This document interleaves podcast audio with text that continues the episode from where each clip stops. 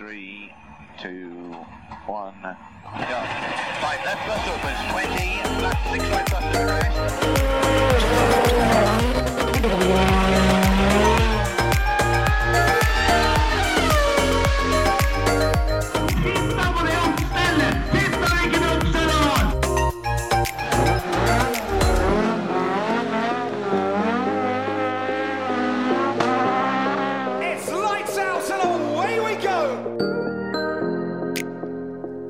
Velkommen til en ny episode av Førermøtet. I dag eh, er det sikkert mange som tenker at vi skulle prate en hel masse om alt det som skal skje til helga, men det har vi egentlig ikke tenkt å gjøre. Nei, det, vi får ryke klar av det i dag, vel. Det, det er så standard. Det er det vi pleier å gjøre. Ja. Så vi skal heller gå tilbake til det vi hadde tenkt å gjøre når vi begynte med dette. Det som vi var flinke til i starten. Men eh, det er jo å invitere folk og prate med dem isteden. ja. Folk som eh, endelig har nesten like lang reisevei som det jeg har. ja. Bare nesten, eller? Ja, ja det var nesten, Ja, ja, tror jeg. Ja, kanskje. Jeg går ut ifra at jeg vinner i dag òg. Ja. Velkommen til deg, Anders Kjær. Tusen, tusen takk. Det var hyggelig at du ville ta turen. Ja, det var gøy å komme hit og ja, hva blir det? Høre den introen live. Det er mye gode lyder på den introen, så jeg, det er er god start, dette. Gjør seg i øreklokkene, den, altså. Ja. Nei, det er sant, det. Var, eh, det var hyggelig at du faktisk ville komme. For eh, jeg tror jeg ville invitert deg forholdsvis seint på kvelden eh, etter Numedalsrally. Så jeg var litt sånn usikker når jeg, når jeg sendte deg melding etterpå om, om dette var noe du hadde lyst til, eller om du bare sa ja for å få meg til å gå vekk. Ja, nei, nei, nei. For, for det er veldig mange som har gjort den siste alternativet. Så det var- mange som var invitert en kveld, er det du sier? Nei, det var faktisk bare, bare deg og Morten Abrahamsen, og han har ikke turt å spørre etterpå. Så vi får se om, han, om jeg får han til å dukke opp eh, i løpet av sesongen. Jeg fikk nemlig melding fra Kjetil eh, kvart på tre på natta. Anders Kjær er gjest. Bare, ja, ja, vi får se. Ja, Det- Med dato og allting. Ja, ja, ja. Altså, det var ikke noe tull, vi avtalte alt. Så det Det var ryddig, det der i kjelleren ved trappeoppgangen der. Ja, tok det, tok det, tok det i trappa. Det var like greit, det. Ja, Nei, men det var trivelig. Skal vi begynne når vi først er på Numedal, eller? Åssen syns du det var? Nei, fy søren. Det er så gøy. Ja, Eh, jeg vet ikke helt hva jeg skal si, men det er jo Jeg tenkte på det på vei hit, at det er sikkert et spørsmål som vil komme, og det Nei, det er du hadde blitt litt skuffa hvis du hadde dratt hjem om vi ikke hadde snakka om det. Jeg hadde jo det. Ja. Nei, det er så rått. Eh, Jeg vet egentlig ikke hvordan jeg skal beskrive det, men eh, det er når du liksom treffer og du kjenner sjøl at dette er faktisk drøyt, det du driver med nå. mm. Når du får de svingene der, det, ja, det, er, det er god følelse, ass. Men, men ta oss litt gjennom åssen var det dette her eh, gikk seg til, for det, det var vel ikke planlagt eh, dritlenge at du skulle kjøre Numedal, eller? Det ble egentlig nevnt ganske tidlig. Anders uh, sa at jeg kunne velge et løp i vinter. Ja. Uh, jeg har jo vært med han ganske mye, så var vel det litt sånn tilbakebetaling. Ja. Og den kan jo ikke bli bedre, egentlig. Nei. Heller det, heller det enn penger. Det er greit å ta ut lønna i rally, altså. Ja, ja, ja. Så, og da var det jo veldig greit et eh, vinterløp, da. Da var jo ikke egentlig Det var jo ikke noe tvil om hvem løpet jeg ville kjøre. Nei, det kan Det var jeg Numedal. skjønne, ja. Mm. Så Det- ja. Har det vært favoritten bestandig, på en måte? Eller at eh, det er litt sånn spesielt med Numedalen, eller? Ja, jeg vil, ja, jeg vil sette det som én, men Sigdal har egentlig likt eh, det også har liksom litt særegent, føler jeg. Mm. Med flere av prøvene, og spesielt Lettmolia, da. Ja, for det Jeg har i hvert fall inntrykk av det at eh, det er smådåla én av veiene, på en måte, eller Lettmolia en av veiene. Altså, det er der du finner Norges fetteste etappe, da. Ja. Men så på en måte blir ikke folk helt enige om hvem som, eh, hvem som er best. Det spørs vel hva slags eh, type du liker, kanskje. Ja eh, jeg setter nok Smådøla hakket høyere. Mm. Er den råest opp eller ned? Ja? Eh, jeg liker den egentlig best ned. Mm. For, for da, da går det på en måte på hvem som tør mest. Eh, ja, det gjør jo det. Så jeg snakka litt med Simen opp og ned i år, da. Mm. Når du så de R5-bilene, så tror jeg nesten de hadde samme snitt opp og som ned. Ikke sant? Så, men de R5-bilene går vel antagelig full spiker om det går oppover eller nedover.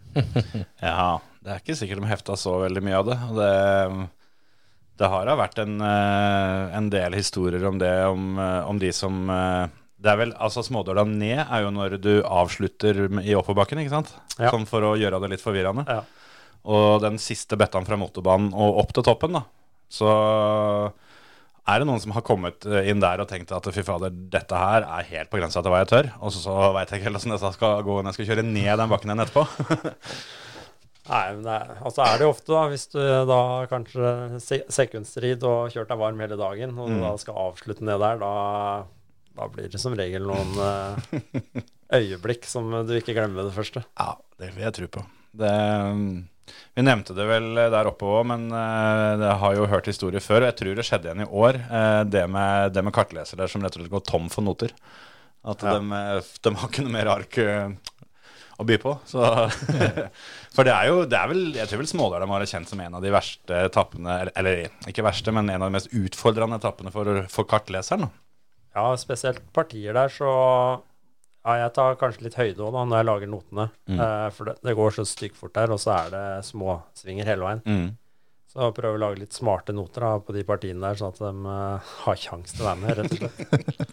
Han er kjekk å ha etterpå. Ja. Men du har, eh, i hvert fall, jeg mener det etter å ha sett noen innbordere av deg tidligere, at du, du har ikke notesystem fra 1 til 6. Du går litt lenger, gjør du ikke det? Jo, eh, vi putta egentlig på 7 og 8. Det var noe Trond Svendsen satt på, faktisk. Mm. Eh, det var jo i hovedsak det når jeg kjørte asfalt, det var da det kom til. Mm. Eh, med at seks, det skulle gå fullt. Ja. Eh, noen av dem var harde, og noen var eh, veldig lette. Mm. Og hvis det ble regnvær spesielt, da, så var det litt vanskelig å skille mellom dem. Ja, så, en- så en 8 for deg, det, det er fullt uansett. Ja, Ja. Da bør jeg ikke ha linje eller noen ting. Nei. Mens en sekser, da kan jeg være avhengig av at det liksom At du har treffet før du kommer dit, ja. Ja. Mm. Ja, det, det, er ikke, det er ikke dumt, det der. Ja, for det én til fem er det samme for deg som alle andre, på en måte. Det er bare at du, du har gradert sekseren i to til. Ja, på en måte. Og så er du litt avhengig av Noen har jo notene på rattet, f.eks. Mm. Eh, helt statisk. Eh, jeg har jo mer fartsnoter, da. Ja.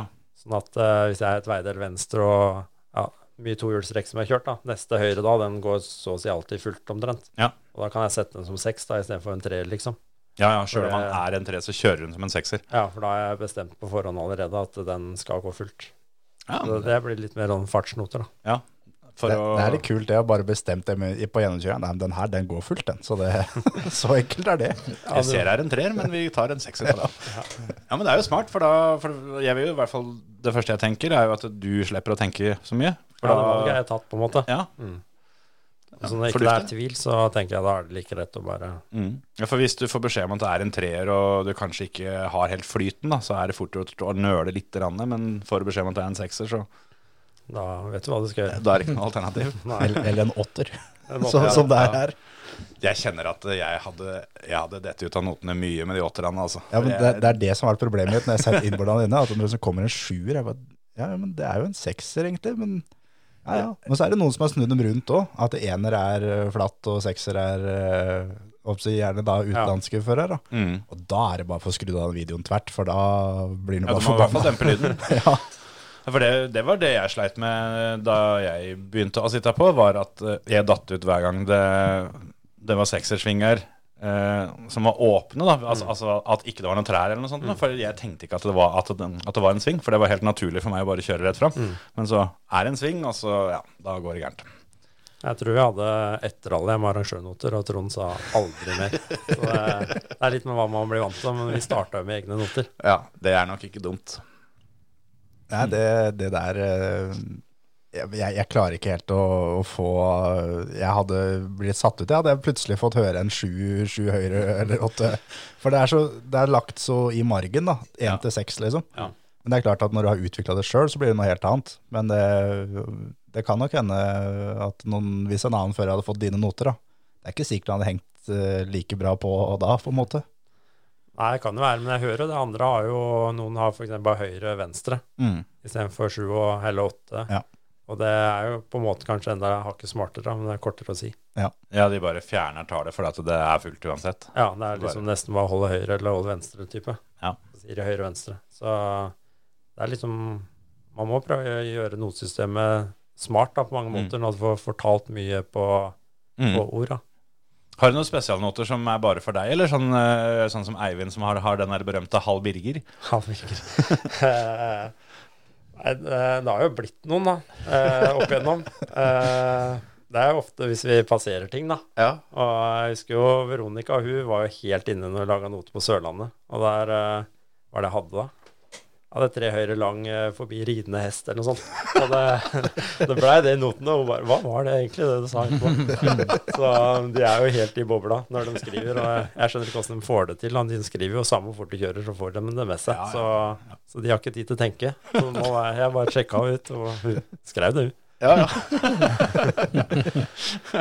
Kult. Men, eh, men Numedal, da. Det, det gikk jo så bra som det kunne gå. Du er Ja. topp ti totalt og vinner klassen, og du vant uh, alle bortsett fra én fartsetappe. Ja, det gikk over all forventning. Uh, Du må hadde... komme tilbake neste år, så du kan vinne alle prøvene, vel? Det har vært rått, det. Nei, vi hadde egentlig lagt en plan om å ha gode forberedelser. Vi skulle ha en dag på isen med å liksom komme inn i det. Det er lenge siden jeg har kjørt firehjulstrekk. Mm. Uh, og liksom kommet inn i det igjen, da. Og så skulle jeg ha en dag på skogen. Men uh, det er som det pleier å være med rally. Det går ikke akkurat som man har tenkt. Så det blei eh, fire turer hos eh, John Haugland med en bil som ikke gikk helt reint. Og så Klart løp. Klart løp, ja. og så eh, fikk vi Ja, vi var nest siste bil på fredagskvelden, tror jeg. På teknisk kontroll. Ja. Før vi hadde fått bilen opp og gå. Så de jobba på spreng og Det løste det til slutt. Men det var ikke akkurat den oppladninga jeg har sett for meg. Det er som å hver gang jeg har kjørt, skal kjøre løp sjøl, tenker jeg at nå, jeg veit at det løpet det er den helga i juni. Nå er vi i januar, nå skal bilen være klar i mars. Jeg står jo der av kvelden før jeg skal dra likevel, og skrur og skrur og skrur, og jeg har ikke tenkt på at den skal dra på løpet likevel. Nei, det, det slår jo aldri feil, så man har jo blitt god på akkurat det der. Da. Ja, ja, ja. Det sitter i i rutina, ja. Følte du at det Altså, det her var jo første gangen du hadde på kjøredressen for å kjøre løp på er god stund. Følte du i forkant da, når ting begynte å lugge litt, at fankeren, var ikke dette som Var ikke sånn det skulle være, liksom? Ja, jeg var frustrert, altså. På torsdag når vi hadde innsuk og ja, jeg vet ikke hva vi ikke prøvde. Ja. Og fortsatte etter gjennomkjøring. Og jeg så ikke så lyst på det en liten periode, men uh, man gir ikke opp, da. Så er det jo deilig når man trykker på gassen og plutselig bilen responderer, og nå går den faktisk. Mm. Hva var feilen? Nei, Det viste seg at det var noe tull i noe programvare i styreboksen, så det var Ja. ikke så lett å finne. da. Vi fikk lagt inn et uh, annet program, og så Da gikk det. da gikk det. Men hadde du en quiz, Hans Martin? Ja, eh, skal vi ta den allerede, altså? Ja, jeg føler at det, det kan at den, eh, den kan være fin. At det er tida? Ja. Vi, vi har jo vært gjennom eh, litt noter og den slags, så det er vel litt beslekta til det, mener jeg husker. Ja, det er jo det. Eh, fordi at du Veit hvor mange kartlesere du har hatt? Eh, ja, jeg tror det, altså. Sånn cirka? Uh, jeg har Trond. Og så har jeg hatt eh, Morten Erik. Så har jeg hatt uh, Erik Pedersen en gang. Og så har jeg hatt uh, ja, Vero og Gøril. Mhm. Eh, og så har jeg hatt noen ja, gjesteopptreden på Bjerke travbane og sånn, da. Ja, for der kan det komme da et lite problem. Hvis alle disse er litt gjesteopptreden. De jeg sa nå, har sittet på med ordentlig rally. Ja, det vet jeg. For der var det Altså, det er de fire eh, Trond eh, Svendsen, han har jo da sittet på 93 ganger. Og Gøril eh, har da 26. Og Veronica har 16. Og Morten 14. Nei, 11. Men så har vi en gjeng som bare har sittet på én gang. Mm. Og det var ti, så da passa det egentlig bra å ta det som ti kjappe. og så er det jo sånn at uh, dette her er vel ni sprintløp og et Numedalsrally. Mm. Og ut ifra de ni sprintløpa, så er det jo ni sprintseiere òg i klassen. Ja. Så det kan jo ikke ha vært så dårlig. Mm. Eh, men hvis jeg sier eh, for eksempel Lars Magnus Hansen, Mm. veit du hvor vi har kjørt da? Det tror jeg var sprint opp Elverum. Nei. Var det det var i 2004 på Rudskogen. Der kan du se. I en Honda Civic. eh, og så er det da i 2005 eh, Bjerkesprinten 1. Hvem som satt på der. Ja. Eh, kan jo ikke kjangs på tall, vet du. Jeg vet uh, han Matre satt på der. Men var ei jente som heter Hermansen, har også sittet på der. Ja, nå Begynner å fylle inn hølet her nå, altså. Det, Men dette er en Alexander. En Alexander eh, Dølplass. Ja, han sitter på, ja. Han uh, kommer jo ikke så langt derifra. Da. Eh, og så, hvis vi sier Vidar eh, Bjerke Olsen. Ja, han har vært med der. Han var på Rudskog-sprinten. ja, det er lu- lurespørsmål at Bjerke ikke har kjørt Bjerkesprinten. da. Ja, det er jo ikke det. Er det mulig? Men så Hege Kristin Hermansen, den hadde du i hvert er på fall. Bjerke. Det var på Bjerke. Og Åge Øversjøen, Har ikke peiling. han satt på på Bjerke. Og så var det jo da Erik Pedersen. Det er Numedal. Det er Numedal. Og Stian eh, Mate. Det er også Bjerke. Det var Bjerke, ja. Og så har vi ganske stilig rally, da, Kjetil. For det er jo i bakgården hos oss. Ja. På Revetal sprintrally. Husker du hvem som satt på da? Det er uh, eieren av Suzuki Swiften, Henriksen. Det var eh, Knut Harald Henriksen, ja. Da lurer jeg faktisk på Når det var Revdal Sprinten, kjørte du forbi her da? Det er ikke sikkert du kjente det igjen eh, akkurat nå, men eh, i hvert fall ene året så kjørte Så gikk jo starten litt borti veien her. Ja. Men, men det kan være det året hvor Hoppa du jævlig langt det året? Nei, jeg tror ikke det, altså. Nei, da var det ikke Nei, da var det ikke det året. Men det var kule veier, husker jeg. Ja, Nei, altså det Det, det fins veier å kjøre hjem herfra som ikke er enig med GPS-en, som er litt morsomme, skjønner du. Nei, men da, da var det nok over, eh, over åsen det året, da. Ja, var nok det. Og så var det broderen, da. Martin. Hvor satt han på? Jeg Husker jo ikke han har sittet på engang. Han satt på i to- 2006. Gjorde det? Ja. Et sprinterrally, da. Ja. Ja, da er det vel uh... Hjelp meg litt, da. Peiling. ja det er på en travbane, da. Ja, Bjerke igjen, da. Ja, det var Bjerke igjen. Og så har vi en eh, Maulin A. Kjølv. Hva for noe? Maulin A. Kjølv. Det var også Bjerkesprinten i 2007 med person. det går ikke opp et lys engang. Men du har jo hatt med deg rimelig mye forskjellige folk på disse sprintløpene ofte, da. Er det Altså, nå veit jo ikke jeg hvem alle disse her er, da, men er det litt sånn at eh, Er det noen sponsorer du tar med deg, eller åssen er det du Ja, det har jo vært noen eh, sponsorer, eh, mekanikere mm. ja, hun en var dattera til en som har hjulpet meg mye. Ja, det har vært i Ja. sånne ting, da.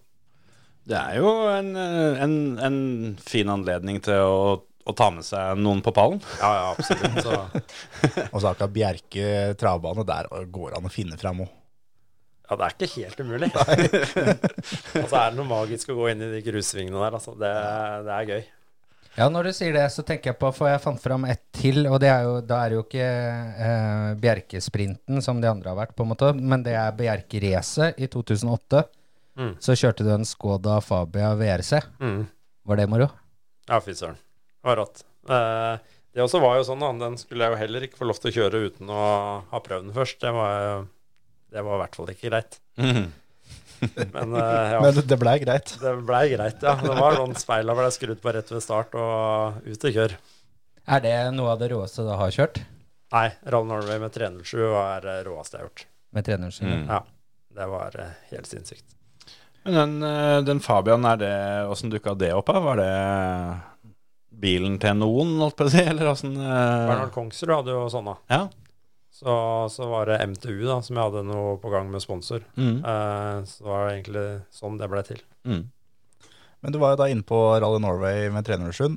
Da har jeg en, eh, en annen quiz til deg. Nå er jeg der. Vi, vi må jo sjekke hvor, hvor mye du følger med på egen kjøring her, Anders. Jeg ser mye framover, skal jeg si. da Lite bakover. Skal. Eh, Her blir mimretimen, dette nå. jeg skjønner. Ja. Um, på siste fartsetappa, da den vant Markus Grønholm. Mm. Brukte 24 minutter, 10 sekunder og 3 tiendedeler. Um, hvilken plass kom du på på den etappa der? Den siste etappa? Og hvilke to ganske kjente uh, førere Det er tre ganske kjente, er uh, rett bak deg på denne etappa. Det jeg husker av den prøva, var at jeg fikk beskjed av John at nå, nå kan du prøve å fyre. Det er det siste man husker, det er det man husker best. Så, og den prøva der hadde vi en gang tidligere på dagen òg. Mhm. Eh, men da fikk jeg ikke kjørt den, for da var det noe sperring. Jeg husker ikke om det var Mikkelsen eller hva nå det var. Det var sånn spiring, så jeg fikk ikke kjørt den. Nei. Uh, og jeg husker at vi prøvde kundene, og at jeg også rygga i et veidele der. Inn på den prøva der. Uh, men uh, hvem plass, da? Jeg tror jeg var For, for det er sånn, altså når jeg sover bare den, den etappa, og det er Vi må jo være så ærlige på den tida der, sånn, da, da, var, det- da var det mye folk. Da var det mye gode folk som kjørte rally. Men det var vel en 25 biler i VRC-klassen, vil jeg tro. Ja, det kan godt hende. Altså Topp fem på den prøva da er Grønholm, Henning Solberg, Petter Solberg, Mikko Hirvonen og Sebastian Løb. mm. Latvold er nummer seks. Hvem plass er Anders Kjær? Det er der uh, Det er der uh, hovedspørsmålet er. Mm. Du er rett bak Dani Sordo. Han kjører fortsatt. 14-15. 13 var det. 13. Og så er eh, Hvilke tre førere som er ganske kjente, er eh, rett bak deg? Det er én du slår med 3,6 sekunder. jeg husker jeg kjørte en del fight med Manfred Ståhl, husker jeg. For det syns Bossiano var veldig gøy, da, for da hadde han akkurat gått fra dem. Så, Ikke sant? og Han, han er ikke topp 17 på etappa. Nei. Eh, vet du hva, jeg har ikke peiling. Jan Kopeski var nummer 14. Han levde vel av å kjøre rally for Skoda. Mm. Og så har du Andreas Mikkelsen er nummer 16. Og Matthew Wilson er nummer 17. Ja. Det er ikke gærent det når du da oppsi kan få lov til å ta i litt, da. At du slår sånne, sånne karer. Du er 13 sekunder bak Danny Sordo. Rett da 15 sekunder bak Mats Østberg på Mm. den etappa. Jeg husker jeg var eh, litt overraska jeg kom i mål, for den rykkinga irriterte meg ganske greit, husker jeg. Så Nei, det der var opplevelse, altså. Skikkelig. Men det- var, det var et, et rally som var fylt med litt problemer, var det ikke det? Det var litt Eh. av ting som skjedde i løpet av løpet. Jeg husker ikke sånn supergodt. Ja, for eh, vår del. Ja, Eh, ja, det var jo egentlig det. det. for det var den der lange jævelen av en Peugeot med fire gir. Ja, jeg hadde fem. Du hadde fem? Jeg har fått fem. Å, Dæven. Men eh, nei, det var jo, det var jo spesielt. da Jeg hadde jo kun kjørt en eh, 206 cupbil før jeg kjørte den der. Ja. Uh, vi hadde ti mil test, og det, fem av de blei vel brukt opp på isbanen for å kjenne til åssen dette var. Mm. Uh, og det var jo ikke noe måte, store forventninger rundt det. Jeg husker det var mye snø det året. Vi hadde jo de korteste piggene i hele løpet. Så Flott. flott, ja. Men eh, nei, jeg føler egentlig vi gjorde det bra. Så vi var jo spent på mye, bare med notene, liksom. Åssen ville det funke i en VRC-bil? Mm. Eh, men det funka veldig bra. Men det var jo siste bra på fredag. Da, da gjorde jeg en klassisk eh, feil med at jeg skulle liksom ikke finne på noe dumt, da. Mm. Og da var jeg rett og slett litt for forsiktig. Så jeg sklei ut, og så rei jeg opp på brøytekanten. Ja. Blei stående der. Så det var, du skulle ta det litt pent, og da dro du av. Ja, det var egentlig det som skjedde. Jeg Mm. var ikke nok på. Ja. Eh, og så hadde vi en tur til. Det var jo før eh, den prøva som går på Hedmarken. Eh, hva heter det oppe da? Er det ikke Collins Crest, da? Eller hva heter det? Eh, Det går i hvert fall styggefort, og så skal vi litt usynlig veide eller venstre. Ja. Og der eh, bremsa jeg litt for seint, og så tenkte jeg men det var ikke verre enn at det, det går an å prøve. Og heller bare slå i brøyta på ytteren. Men der hadde gallet vært før meg. Der var det bare et hull, og da datt jeg nedi der, da. ai, ai, ai. Så da måtte vi spare litt. Så det var det vi hadde, egentlig. Det må være en sjuk opplevelse å kjøre, kjøre VRC-bil på hjemmebane. Altså. Og så Ja, ja. særlig på den tida der, da, som vi nevnte, at da var alle kjørte, liksom. Det var, eh, var et helt eh, perverst eh, nivå i VRC på den tida der. Ja, det var rått. Jeg- husker Rakner, han sto på målet der, og han sa det er én gutt der, han er klar for å gjøre mer. Det var oss, ellers så var de andre ganske forsynt. Men Ja, for da var det jo litt, litt lengde på løpet òg. Det var litt mer enn det er i dag, er det ikke sånn? Eller uansett, i hvert fall for din del, da, som, som var vant til NM hvor du kjørte en 8-10 mil, og så kom du her og skulle holde på ei hel helg, liksom. Ja. Men kjørte ikke du Rally Norway første året òg? For dette her var vel andre gangen? eh, jo, Eller tar jeg helt feil nå? Det er to ganger Rally Norway, ja. Ja. kjørte året etter om Subaru. Da satte jeg Ja. inn i en, noen grantrær der. Ja, da, så, okay. Ja, året før med prøveløp, da kjørte 206, men da ble jeg sjuk ja, ja. underveis. Ja, for jeg, jeg, jeg trodde du kjørte 307, at det var det siste, men uh, da var, da var det omvendt. Mm. Men uh, det var jo litt sånn kontroverser rundt at du skulle kjøre denne bilen. Det husker jeg. Åssen uh, påvirka det deg, eller hvor mye var du involvert i det? Eller var det bare liksom noe andre folk uh, drev og styra med? Nei, det var egentlig Det blei skrevet om på nett, holdt jeg på å si. Ja, ja, for det var vel deg, og så var det vel Tord, Tord, Linderud, Tord ja. Linderud som var litt uh, irritert, for han hadde egentlig håp om å kjøre den bilen du kjørte. Mm. Det skjønner jeg godt. ja, det kan jeg jo skjønne. Men har, har, har holdt på å si, prata dere to sammen, eller, eller var det noen andre som på en måte tok seg av alt det greiene der? Eh, nei, det var jo egentlig i forbindelse med Pysjåcupen og John Haugland og alt det som eh, gjorde at vi fikk muligheten. Mm. Eh, så det kom egentlig til på den måten der. Ja. Nei, Det, ja, og bare husker det at jeg fikk med meg at det der var litt styr, og at uh, han eh, mente at da fikk jo ikke han vært med, men han stilte jo til start allikevel. Så Ja, det Grom ville han òg. ja. Nei, det, det, må, det var gøy å stå og se på, husker jeg, men jeg kan være sikker på at det var enda litt råere å sitte inne i.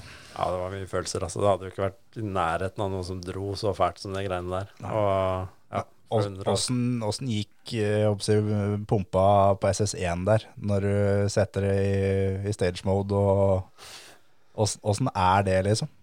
Nei, det var jo Jeg vet ikke hvordan jeg skal forklare det. Jeg husker den første testen. Det var jo oppe hos John. Og da For først var fatter'n fly forbanna når han så hvem tempo vi dro av gårde med, for han kommer aldri tilbake igjen, sånn. Og så var det strekkerekord første turen. Da var det Colin McRae som hadde det fra før. Ikke sant? Så, og jeg husker eh, et av de veidelene, så slo du borti brøyta. ikke sant? Det gjorde du aldri med 206 Cup-bil. Men nå skjedde det liksom av seg sjæl. Jeg kikka i speilet og så spruten stå på sida der. Ja, det var, eh, det var rått. Life goals. Ja, ja, ja. Ja. Nei, det der må være heftig, altså. ja, det er mye følelser der. Det blir det.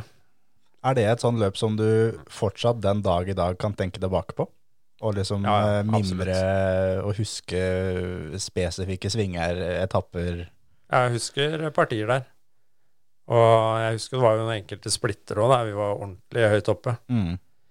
Og jeg husker også når vi skulle i mål, så var det nesten så Trond og jeg felte en tåre, liksom. For det, vi sa til hverandre det, det er ikke sikkert vi får oppleve det her igjen. Nei, nei, nei. Råere enn det her blir det faktisk ikke heller. Nei. Så det var eh, Nei, det var helt sinnssyk mulighet. Så den er vi evig takknemlige for. Mm. Men um, du var også kjørt noe Pirelli, Pirelli Star Driver Shoot i Ja. Finland. Sammen med Tanak og Solberg og Mm. Hvordan var det? Nei, det var uh, Det var jo mer show, det skjønner jeg jo, men var det litt artig? Ja, ja, det var kjempeartig. Og vi blei jo Hva var greia med det, egentlig, for de som ikke kjenner til det? Nei, det var jo en sånn form for pressekonferanse. Der stilte jeg vel ikke akkurat sterkest med engelsk og alt det der, men uh, Ja, Hvis Petter var der, så var det godt selskap. ja, ikke sant. Tanak òg, for så vidt. Ja, det er sant, det. Så, men så, ja, det var jo fysisk test og den biten der. Og så kjørte vi på en prøve der bl.a. blant annet Kankonen og flere liksom sto og bedømte oss, da. Ja, Og jeg husker fort at vi ble jo ranka foran Tanak, faktisk. Enda vi kjørte ikke den råeste tida, fordi den Subaruen hadde noe turbolekkasje og noe greier. Men han eh, så tøft. vel tanken bak det, da. ja, ja. ja. Mm. Det er litt stilig, i hvert fall når du da tenker litt på åssen det har gått med han i ettertid. Så ja. Der har, eh, der har VRC det har gått, gått glipp av noe, rett og slett. ja, det var det, da. Så, men den finalen der, eh, det var et annet opplegg. Det skjønte vi egentlig ikke så veldig mye av. Det blei vel ikke sendt noen fra Norge etter det heller. Nei. Eh, ja, det var litt eh, rare ting, og vi fikk egentlig ikke noen gode begrunnelser. så det, det var litt spesielt, egentlig, hele den greia der. Det var litt sånn litt, litt politikk i det sikkert, og litt sånn forhåndsvelging og Det kan det ha vært. Vi, vi fikk i hvert fall Vi skulle få grundig begrunnelse for alle øvelsene, men eh, det, det kom ikke. Det var noen som glemte det. Ja, rett og slett. Karakterarket ble borte og bikkja spiste det. Du skjønner det liksom når du går og spør etter det, og får svar at 'nei, men du var, var flink, du'. og det er det den får, liksom. Da Ikke hør på noen andre, jeg syns du var flink. ja, ja. Drit i hva de andre sier. Jeg syns du er flink. Men eh, vet du sånn cirka hvor mange rally du har kjørt? Oi. Nei. Nå har jo jeg bare eh, Altså, eh, ja, rota og leita og styra litt. Men jeg har kommet fram til sånn Bob-Bob, eh, ta det med litt god fisk, da. Men eh, 158 rally. Det er såpass, ja. Det har blitt noen. Ja. Og så er det sånn at vinterrally er en favoritt, eller? Eh, ja, det har jeg alltid likt. Eh, det er noe eget det når snøen detter og Du tenker mer på rally når du får en ordentlig snølagt vei, enn å kjøre på en grusvei. Ha en skikkelig vintervei, liksom. Det, da tenker jeg mer rally enn grusvei, faktisk. Det er sant, det, altså. Jeg er helt, helt Når du sier det, så har jeg ikke tenkt over det Altså, sånn. når snøen ligger der, så får du mer lyst til å trykke på gassen. Ja, ja, ja. Og så er, Det er det, eget det er sånn, altså. Jeg har jo sagt det i alle år, altså, jeg har ikke kjørt rally, men jeg har fryktelig lyst til å prøve. Og, men for min del, det er kun vinterrally som jeg liksom har lyst til å prøve. Mm. Altså, jeg har kjørt på grus og asfalt på bane, på en måte, og det, jeg har gjort det før. Men for meg så er rally det er på vinteren, det, altså. Ja, det er noe eget. Det er noe eget. Ja, fy fader. Men vet du hvor mange vinterrally du har kjørt, da? Nei, nei, nei, nei. jeg har ikke peiling. Så av 158 rally, så er det da 58 vinterrally. Ja. Så det er jo ikke noe så veldig dårlig når sesongene er som de er. Det er jo litt lettere å få tak i et uh, rally på sommeren enn på vinteren. Ja, så var det en stund vi kjørte mye i Danmark, blant annet. Så Cirka 11 ganger. mm, vi kjørte vel eh, to eller tre sesonger, tror jeg, danske mesterskapet. Ja, det var ganske tidlig i, i karrieren. Mm, Peugeot. Mm. Mm. Og så åtte ganger i Sverige. Ja. To ganger i Frankrike. Mm, To ganger i Tsjekkia. Mm. To ganger i Tyskland. mm. Vært litt rundt. Også da den eh, turen til Finland, da. Og så kanskje et av de dårligste minnene du har, det er vel da Latvia. Det butta greit. Ja. Men akkurat den i Frankrike er litt morsom, for da kjørte det også Ogier kjørte jo i 206 Cup, faktisk. Åssen gikk det? Nei, det var uh, Første løpet vi kjørte, så da brøyt han på SS1. Ja, da slo du den, da. Da slo jeg en. Men så var det en dødsulykke på SS3 som gjorde at vi fikk en ny mulighet. da. Mm. Og det andre løpet det skulle bl.a. gå Colli Turini og litt sånn. Og dæven. Yes. Og når da drivaksjen ryker på SS1, da, da raser verden litt, altså. Da er det så jævlig langt hjem, da. Ja, det, uff, det var krise, altså. Jeg hadde gleda meg så sjukt til det der. Det har jeg sett på TV i timevis over der. Ja, det er, eh, det er en del ikoniske steder, altså, men Col du Turini, den, eh, den henger høyt. Ja, fy søren. Ja, det, det slår Småløla òg, det. altså. Ja, den er hakk over, faktisk. Men den der når du er i Latvia Ja. eh, Vi har jo hatt Veronica som gjest, og vi har jo, vi har jo hørt historien der. Men eh, vi har jo vi har fått en del nye lyttere siden den gang. Mhm. Kan du ikke ta oss gjennom hva som skjer der sånn? For det eh, Noe av det første som kommer opp hvis du googler navnet ditt, Mm. det er overskriften 'Her segner Anders Kjær om'. Ja, det, det er ikke feil, det. Nei, jeg har sett videoen, og det stemmer, det. altså. Ja, Det er kanskje den verste rallykrasjen jeg har øh, sett. Altså sånn øh, Ja. Ja, den var brutal, altså. Det var, eh, det var siste eh, prøva. Og vi, vi leda klassen bra, men vi hadde fight med en BM da, om å bli beste tohjulstrekker. Det var egentlig det som var målet. Mm. Eh, og vi Ja, sinnssyk flyt. Og vi fyrer det det går. Eh, og så var det akkurat Litauen Latvia, da, eller motsatt. Eh, Ja, ja, for det du, eh, du kjører fra Litauen inn i Latvia, ja. ja. Mm. Og eh, der på gjennomkjøring så var det jo ingenting der. Nei. Men det hadde stått i roadbooka official jump eller noe sånt. Men det Nei. var ingenting når vi kjørte gjennomkjøring. Nei. Men det var noen småkrøn og greier, og vi la egentlig ikke noe mer i det enn det. Nei, for det er jo en lang, rett grusvei, Ja. egentlig. Det var det. Eh, og når vi kommer, så ser jeg et krøn, og så ser jeg et nytt krøn, og så ser jeg sjikane oppe. Toppen. Mm. Og ja, vi kommer på femte der, vi, og så ser jeg jo etter hvert da, at det ligger en stålplate i veien der. Mellom de to krøna. Mm. Og den sjikana kom etterpå, så ble jeg fryktelig usikker på avstand fra det hoppet til den sjikana. Så jeg finner ut at jeg må gå på brems, og så vet jeg jo det at jeg, jeg kommer jo til å lande på nesa, men det, Det har vi gjort før. det gjør vi ti av ti ganger med de bilene der. Ja, ja. For det er en, en bitte liten Renault Twingo du Ja sitter inni. en terning, på en måte. Ja, som er en meter lang. Ja. Ja. Helt riktig. Så jeg kalkulerer med det med at vi kommer jo til å gå på nesa. Eh, men det er jo mye bløtere vei der enn hjemme. Det er jo en sand. Mm. Så bilen graver seg bare ned, og det blir bare bråstopp, og så går det kast i kast. Så jeg husker hver runde på taket. Det stramma godt i det sånn. Fy fader. Ja, for det, akkurat det som du sa, det med at fordi du, du tar av i Litauen og lander i Latvia, Ja.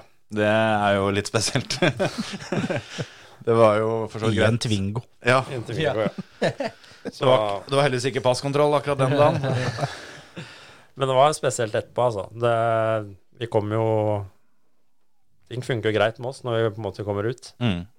Eh, og så kom vi ut, og det går jo ikke lang tid før jeg kjenner at eh, der var det ikke mye balanse. Nei. Og så synet, husker jeg, det blir akkurat som bare blir helt sånn viskla ut. Det bare doste. Mm. Så skal jeg bare, jeg bare gir opp. Ja, Så bare lar det bare, dette får bare gå. bare gå, ja. Så da var det bra fortumla en stund. Ja. ja, det, er, det er ikke rart. Ja, det er nok ikke mulig at du kommer ut på full adrenalin der, nei. Og når det da forsvinner og du står på beina, så er det fort gjort å gå i bakken. Ja, ja. Så var det jo like spennende etterpå, holdt jeg på å si, når du skal sitte på den der sjukebilen nedi der. Ja, for han, eh, han har noen beste tider, han òg. Han skulle sette beste tid, ja. Det skal jeg love deg. Så Når du spør om å få tilbake hjelmen. ja, vi stabla oss bak i den der bilen der. Og dro igjen forhenget, så Vero og jeg satt bare langs veggen der på noen krakker. Det var såpass, ja. Ja, ja. Og det var sikkert 20 cm hjulspor, og han klemte til det gikk. Og jeg drar opp gardina og sier liksom 'ta det litt med ro'. 'Rally, rally', roper han bare. Og fortsetter. Herregud. Og det stopper jo ikke der. Han kommer ut på hovedveien, da, så passerer han 140, og vinduene bak begynner å blåse opp. Da, så vi må begynne å holde på disse. Fy faen. Og ja, kom inn på. Ja, det er eh, Det er en sånn greie som ikke Den, den varianten har jeg ikke hørt før. Nei, nei, nei. Det, ja, vi stikker jo av fra sjukehuset til slutt, så det stoppa liksom ikke helt der, da. Nei. Hva var det Hvorfor det, holdt på å si? Var det språkproblemer, eller var det bare udugelig, eller hva var greia? Nei, det første så ja, blir vi bare satt av på utsida av sjukehuset. Så kommer etter hvert en lege inn, han tar en kulepenn foran øynene våre og spør eh, Vi skal bare følge dem, da. Mm. Og så spør han hva mer han kan gjøre for oss. Eh, ja. Det Ta en cheeseburger og på. cola. Ja. Så jeg vet jo liksom fra jobben, da, sånn høyfartskrasj, da du eh, Ting kan skje Mm. med dette. Mm. For du er brannmann. Ja. Bare sånn at det, de som hører på, skjønner det. Så vi har hatt litt om eh, sånne høyenergiskader, for å si det sånn. Mm. Eh, ja, så ble det mye spørsmål om eh, For da gjaldt plutselig ikke forsikringer, og så at dette ble dyrt, og alt det der. Ikke sant. Eh, og så spør vi hva det koster, da, men det var jo snakk om bare noen få tusen. Mm. Eh, og så blir det sittende og vente, og så må Vero på do, og så oppdager hun at hun ja, blør litt, da. Mm. På grunn av beltet hadde det ligget litt feil mellom beina. Så kommer det en ny lege, og det er som med reklamen, altså. Vi går bortover der, det blinker kun i den der nødlampa enden av gangen. Det er helt eh, mørkt. Fy faen. Inn i en heis der du lukker dørene sånn Sjøl. manuelt sjøl, ja. Og den heisen fyker opp i en eller annen etasje, og like dødt i den gangen der. Det er bare murpussen som har dette liksom litt av. Mm. Og det går bort og skjærer til høyre, husker jeg, og så plutselig kommer det en mann med frakt. Da Da skal de sjekke henne. Mm. Så forsvinner de inn, og så hører jeg hun begynner å rope no, no, stopp, stopp, og masse greier, og de kjefter tilbake, da. Ja. Så før jeg skal komme inn, jeg må vente litt, da, så da, Jeg tipper det var i god mening, da, men det var noen ketsjupflasker og noe greier da de prøvde å skulle Ja. rense dette såret med. De Ikke sant. ville ikke si så mye. Og da Det er lov å sette ned foten da, altså. Da hadde jeg jo tatt en taxi. Jeg hadde tatt noen andre, han, han der ambulansesjåføren tilbake. ja, ja, ja. Ja, eller har i hvert fall kommet deg kjapt unna, da. Så det, hadde Ja, tatt det med han. Det var så vidt sant. Ja, det der Ah, høres jo faen. helt grusomt ut da, når du først har vært gjennom den eh, sjukeste smellen i livet ditt, liksom, og alt du trenger er litt hjelp, og så må du bare fortsette å fighte i timevis etterpå, da. Ja, altså hun kommer ut på gangen der, da, så går hun litt bortover og spør åssen det går, og går det greit og greier. Da. Så, så ser vi de ikke følger etter. Altså, hun, hun ville jo bare stikke, det skjønner jeg godt. Mm. Så da setter vi fart, da, den ene gangen. Ja. I hver deres kjøredress. Og ja, ja, ja, i hver vår kjøredress. Og finner igjen den heisen og får lukket igjen av disse dørene. Og så satser vi bare på en knapp da, med hva som er hvor vi skal ut. Ja. Og får åpna disse dørene, så ser vi at det er gress på utsida. Da skjønner vi nå er vi i hvert fall riktig etasje. ja, nå er vi i bånn i hvert fall. Yes.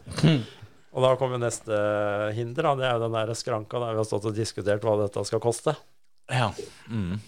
Men da heldigvis kommer det noen eh, inn da samtidig, så det er litt som film. altså Vi bare stryker forbi da idet de kommer inn. ja, det var heldigvis noen andre de gærent med, Yes. sånn at dem tok oppmerksomheten, ja. Og setter fart da ut Ja, det var som film, egentlig. Setter fart ut av det sjukehuset og over noen hekker og over noe gress. Og ordentlig sånn derre østblokk eh, eh, Leilighetskompleks, holdt jeg på å si. Bygninger. Ja.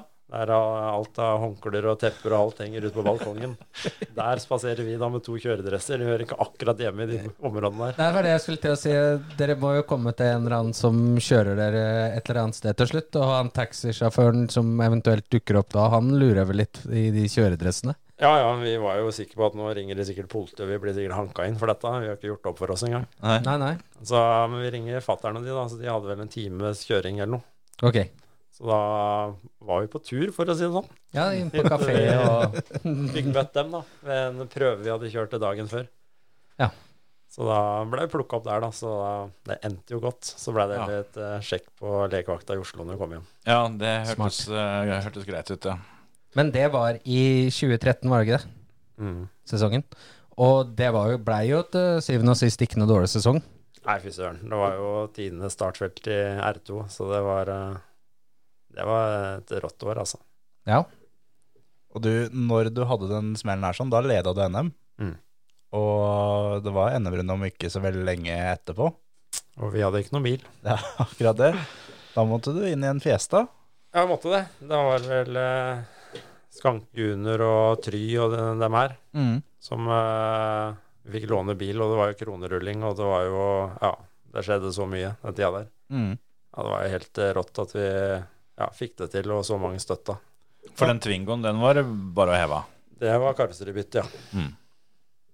Åssen er den følelsen der når øh, oppsi, du sitter her og skjønner at det Ja, ja, da Jeg vant nesten NM i år, da. Det, det har gått bra så langt. Det blir ikke noe mer enn året. Som også får vette om den kronerullinga. Åssen er det og at det andre vil at du skal hva si, få fullført denne sesongen, da? Nei, det er, det er jo helt rått når du mottar telefoner og folk liksom De var jo på ballen med en gang. Mm. At uh, du skal kjøre der liksom uansett.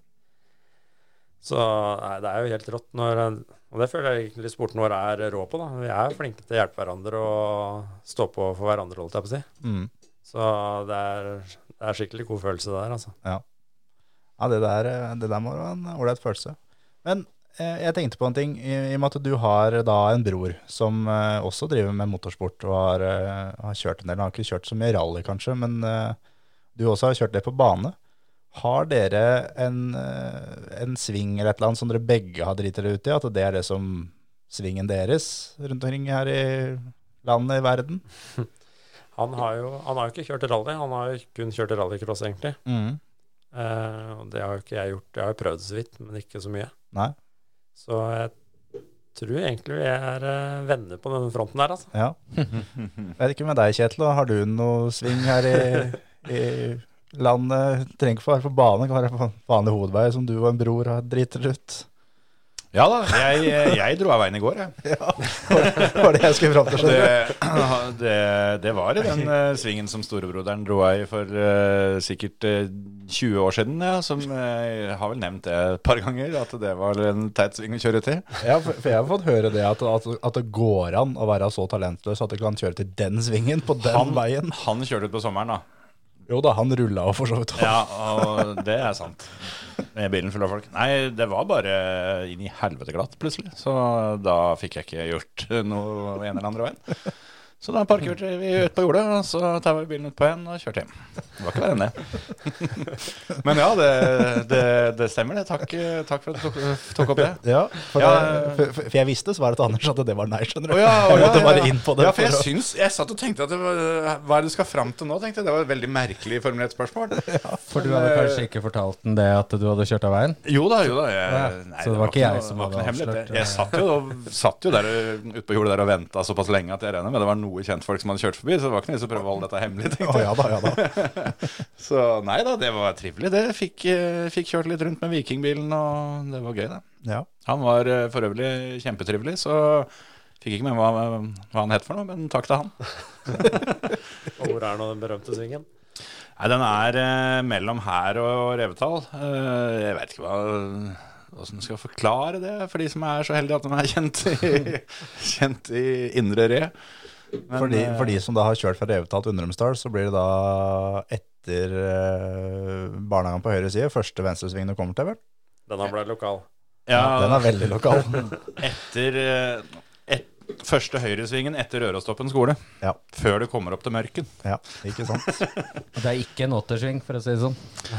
Nei, det, det er det ikke. Den er, det er en sånn litt, litt åpen 90-grader.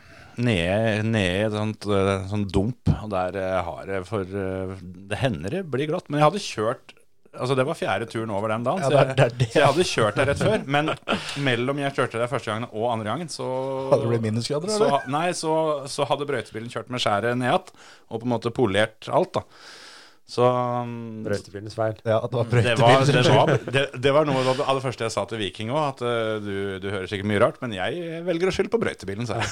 da begynte han å le litt. Altså, det var fint. Nei da. Jeg, jeg er litt usikker. Eneste skaden jeg har funnet, er at jeg har en løs skvettlapp. Men jeg er ikke sikker på om det skjedde der eller ikke. Så det var ikke verre enn det. Det gikk eh, såpass sakte at det var plundrete å få ødelagt noe. Det var som, eh, gikk ikke kast i kast, for å si det sånn. det var som da eldstebroderen, det som rulla der som med bilen til mamma, hadde vel Sa vel først han hadde 30, har blitt justert opp til 50 etterpå. Ja, når det ruller 50 meter i oppoverbakke med en Saab 900 full av folk, Ja. så er ikke 30 km fasit. Nei, han, han, har- skrudd opp til 50, da. Ja, 55 kanskje. Nei da. Men, eh, Lumsk sving. vet. Nei da, men det, nok om meg, jeg- mer om Anders. Jeg har tenkt på det der i hele dag, åssen jeg skal få, få vridd det der inn på deg. skjønner du.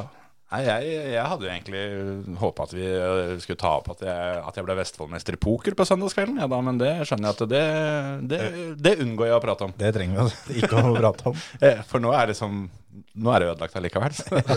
Jeg, jeg får ikke glatt over den. Nei, det var Men Neida. jeg tenkte på en ting, Anders. Ja. Eh, Du kjørte Peugeot Cup eh, lenge. Og så når da Subaru Cup kom, var det veldig enkelt å bare hoppe på det i og med at det var cup igjen? Mm, nei. Så, så det, var, det var ikke derfor du hoppa på? Eller eh, i utgangspunktet så hadde jeg jo ikke noen mulighet eh, til å bli med. Jeg var jo med på veldig mye test og utvikling Mm. av den bilen. Og gjorde en god jobb eh, med mange andre i forkant. Ja. Eh, Men så blei det jo på en måte Så klarte vi å se det at vi kunne faktisk stille til start. Mm. Og da blei det jo litt greie med Siden jeg hadde kjørt den bilen før de andre, da. Ja, Så det ble det urettferdig, ja. Så da blei det en løsning med at jeg ikke tok poeng på en måte de første løpa, mener jeg det var. Ja. Eh, så det var jo på en måte greit nok, det. Men eh, jeg har jo alltid egentlig likt det cupformatet, da. Mm. Og det med pengepremie har også vært en viktig greie av det. Ja, Det er en, en ekstra greie på det, ja. Ja. Og så er, jeg syns jo den, eh, den cupen var kul med at det var eh, litt Det var blanda, da. Det var rally og baneracing eh, med samme bilen, liksom. Mm. Det, det må ha vært litt, litt heftig, det òg. Og så plutselig skal kjøre racing mot gutta du har fighta med på skauen. Ja, det blei jo det, og det blei vel kjørt racing på en måte ingen hadde sett på en racingbane før, tror jeg. For Ja. De Subaruene stoppa jo ikke akkurat i grusfella. Så det var, eh, var mye kutting og mye greier. Altså. Det var ikke alle som var helt fornøyd med de bilene ute på den banen. Åssen endte det, for du hadde to sesonger. Eh, ja. Åssen endte de to sesongene? Eh, første Det var 2009-2010. Ja, det første året fikk jeg vel ikke helt poeng på alle hvis Nei. jeg hadde kjørt. Eh, året etter så gjorde vi det veldig bra. Eh, jeg tror egentlig på en måte vi vant den rallydelen. Men uh, jeg lå tett bak Jerker på Rudskogen, og så bomgira han, så jeg, da lå jeg 20 cm fra han. Ikke sant. Og da gikk det en radiator og toppakning, så da mista vi jo to løp den helga. Den er kjip, altså. Og det, det var jo da vi Og da hadde vi jo nok med å få den bilen klar til neste løp, og vi fikk jo ikke forberedt oss til det. Nei. Så vi tapte vel den cupen mot Pontus, tror jeg, på banedelen, egentlig. Ikke sant. For, for baneracing eh, er jo noe du, du kan noe om fra før, for du starta jo alt eh, starta jo i gokart. Mm. Og jeg husker jo fra når jeg var liten og begynte med gokart, så du var jo den vi alle så opp til. Alle på mitt kull var liksom, det var deg, du var den råe, liksom. Han som virkelig tok i, og han som kjørte forbi hardt og var liksom en av, en av de store guttene. da. Ja, det er jo kult å høre. Det, jeg veit det sånn for eh, Emil Antonsen. Det, du, var, altså, du var helten, rett og slett. Han hadde jo en hjelm som han lakkerte sjøl med sprittusj for å få lik som din. Ja. Nei, det var vel kanskje litt sånn da, med de som var eh, hakket eldre. Eh, jeg hadde vel det samme med Roger Rui. Mm. Mm, Den veien, han var jo mitt forbilde der. Ja, ja, ja. Men føler du at du har kunnet ta mye av det du lærte i gokart med deg inn i rallyen? At det fortsatt ligger litt i kroppen, den gokartkjøringa, liksom? Eller er Ja. det helt vaska ut? Nei, eh, absolutt. Det var eh, Jeg tror det er en helt rå skole å gå, Mm. med tanke på å kjenne etter Mm. eh, hva som gjør hva. Ja, du må være petimeter. Og jeg husker jo fra den tida at du, var ofte den som prøvde litt ting andre ikke prøvde. Ja, jeg det. på, på karten. Mm. Og det funka jo som oftest. Ja, det, vi hadde noen morsomme episoder på det, annet på nordisk eh, på Rudskogen. For da var vi vel eh, helt eh, sist når vi skulle starte prefinalen. Pappa vinka meg inn, det var ikke noe vits å kjøre hit heatet før der. Og da gjorde vi stikk motsatt. Ja. Da hadde, da hadde han, han var veldig flink på det, så han hadde jo også studert eh, de som var raskest. Mm. Så da laga han meg eh, høy og lang, holdt jeg på å si. Mhm. Og ja, vi starta som nummer 30 eller noe sånt, og kom inn som nummer 15 eller noe sånt i den der eh, prefinalen der. Ja. Så da Rått. Så det var gøy, det. Er det noe du har tatt med deg inn i rally nå? Prøve litt ting som andre ikke prøver? At det er kjipt å kjøre sånn som alle andre sier de kjører, og at det funker bra? Ja, eller jeg er jo alltid nysgjerrig på hva Mm. folk gjør, men jeg har alltid vært veldig fascinert av det med ja, hva man egentlig kan gjøre, og at ting kan endre seg, da. Mm. Så jeg har alltid vært nysgjerrig på det området der med å teste og utvikle, liksom. Det er, eh, Mm. jeg syns det er en like stor del av det, egentlig. Ja. Ja, ja. For det er jo den golfen du kjørte, er jo et uh, eksempel på med testing og utvikling. Den blei rimelig rå til slutt, den. Ja, ja, den, uh, den hadde vel aldri samme oppsettet til neste løp. Så det var alltid noe Det var ikke alltid de store greiene, men det var jo alltid noe jeg ønska å utbedre, da. Så det var en spennende tid, og det, det har, jeg har skjønt i ettertid det har blitt lagt merke til. Det er mange som savner den golfen, faktisk. Ja, det er, ikke, det er ikke veldig ofte du ser klasse 11-bilene kjøre for klasse 10-bilene, så det blir lagt merke til det. Ja, det, det fungerte bra etter hvert, altså. Men det var jo mye styr òg med den golfen. Det stemmer. Var, hva, på å si, hva ble enden på visa? Eller, hva var egentlig begynnelsen på visa? Vi kan jo ta det for de som ikke, ikke kjenner til det. Nei, det var vel det at vi begynte å hevde oss, begynte, og bilen begynte å gå til mål, da. Mm. Det var egentlig da problemet starta. Så eh, det, ja, det blei jo skrevet mye på nettet. Mm. men og vi var jo på ballen på Sigdal allerede og skrev mail til Bilsportforbundet om at vi ville få vite hva som var eh, galt, hvis det var noe galt. Mm. Eh, det blei vel aldri noe gode svar, og jeg ringte til og med før Finnskog om det var noe poeng å komme dit. Ja. For det, det var jo skrevet så mye. Eh, og dit var bare å komme, bare å kjøre. Ja, for det, det gikk på da det tekniske reglementet, da. Om, Ja. eh, om bilen din eh, var lovlig eller ikke. Ja. Og så fortsatte det egentlig, eh, helt til Numedal. Og da ringte noen fra arrangøren der og sa at ikke jeg skulle komme. Ja. Og da hørte jeg med Bilsportforbundet, og da sa de nei, det, det er bare å dukke opp. Ja. Og da hadde vi jo en ekstra kontroll eh, på teknisk kontroll før løpet. Jeg var først i køen. Vi dro ned begge portene, og jeg forklarte, og de målte og jeg- ut ifra regelverk og alt. Ja. Eh, og eh, ja, vi var ferdig, og da Hva nå, ass? Nei, det er i orden. Du kan tut og kjør. Lykke Mm. til. Men dette var ikke første sesongen med den bilen. Nei, nei. Så det var jo et problem, som du sier, som uh, ikke var noe problem uh, fordi du hadde litt trøbbel og det var en del bruteløp og sånn tidligere. Men når det begynte å bli en uh, Altså Da du begynte å bli brysom i NM-sammendraget, så ble det et problem? Er det sånn å forstå? Det blei vel litt i den eh, retningen. Vi fikk jo sortert den ut bra etter hvert. Ja. Eh, altså Ja, det var jo julehus, da, type det vi gikk på. Og så var det, som du sier, at du ringte til NBF og teknisk sjef der og fikk beskjed at det her er alt i orden, og alt det er bare å, det er bare å kjøre. Ja, jeg fikk jo det seinest på Teknisk Sjø Numedal. Ja, ikke ble sant? vi jo diska seinere på kvelden, holdt jeg på å si. Og det, jeg så, leste en, en artikkel om det der sånn i, i går, som jeg fikk uh, googla fram til. Og det er jo da også Bilsportsforbundet med en sånn klassisk Bilsportsforbund-uttalelse i media etterpå at nei, men det har vi aldri sagt. Vi har jo aldri gitt han klarsignal til det, vi.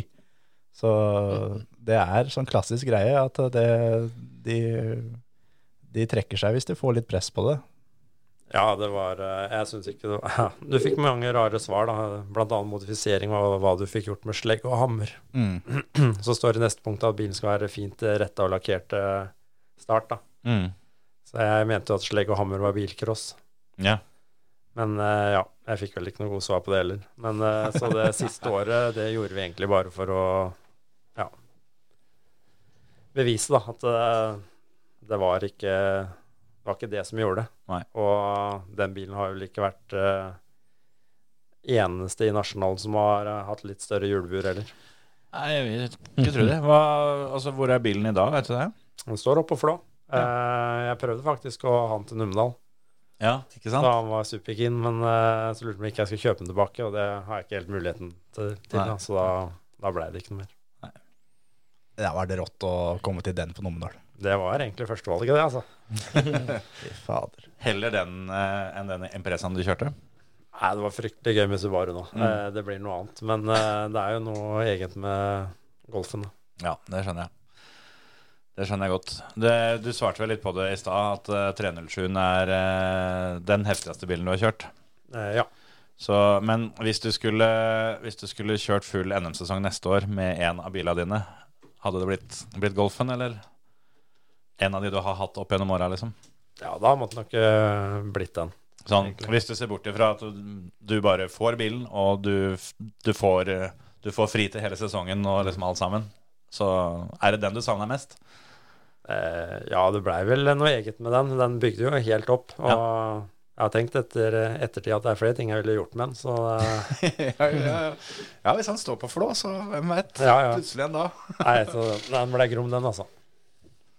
Men eh, du var så vidt inne på det at du hadde prøvd rallycross. Er det kun den runden på Høljes du har prøvd? Jeg mener, hva, eller tar jeg feil? 2013 du kjørte på Høljes med bilen til Lars Otto Holt, gjorde du ikke det? Det stemmer. Men jeg kjørte eh, også det året der, blir det vel, på Momarken.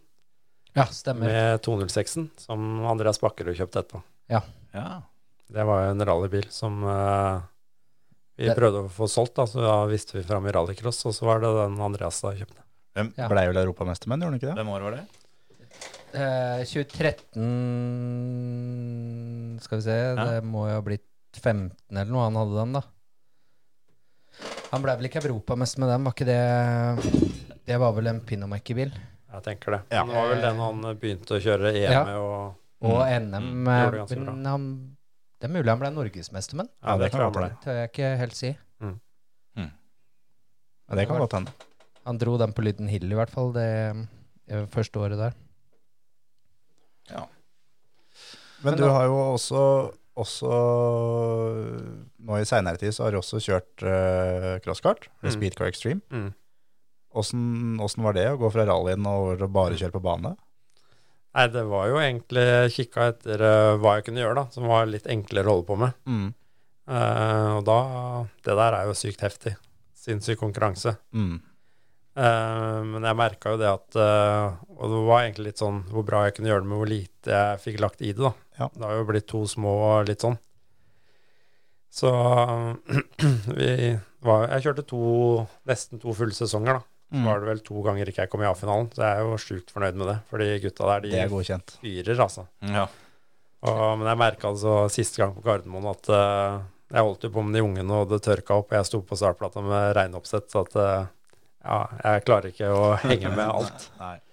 Nei, men du har jo en, en annen plass på andre runden på Konsmo i 2022. Ja, Så det har jo vært på pallen der òg. ja jeg klarte det. Jeg klarte det.